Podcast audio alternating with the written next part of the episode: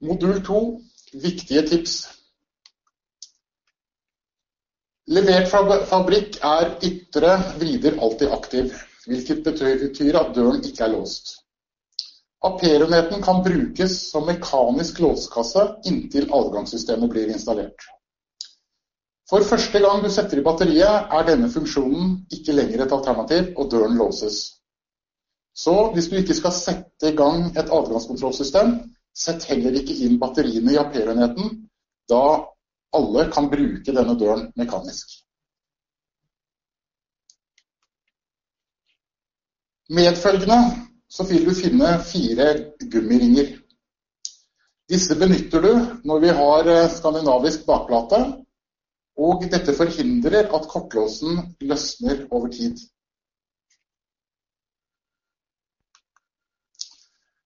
Et annet viktig tips er batteriets levetid.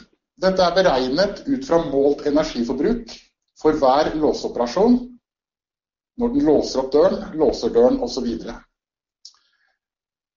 Det er derfor viktig å alltid bruke fulladde batterier.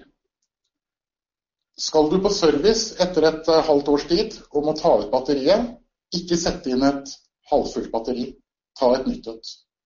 Dette for at eh, enheten regner ut eh, da energiforbruket, og kan jo da si at vi har en 40 000 låsninger, opplåsninger. Og setter du da inn i et halvtomt batteri, så er energiforbruket det samme, men batteriet er ikke fullt. Det vil jo si da at 40 eh, 000 åpninger, det klarer jo ikke da dette batteriet som er halvfullt.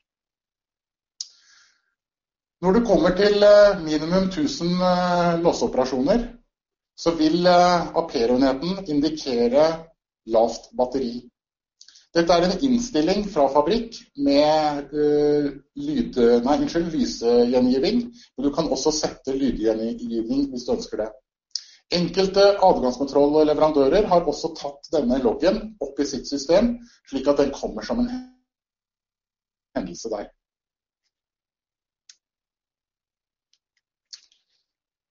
Hvis batteriet skulle være tomt, så har du muligheten til å bruke USB-kontakten på leseren.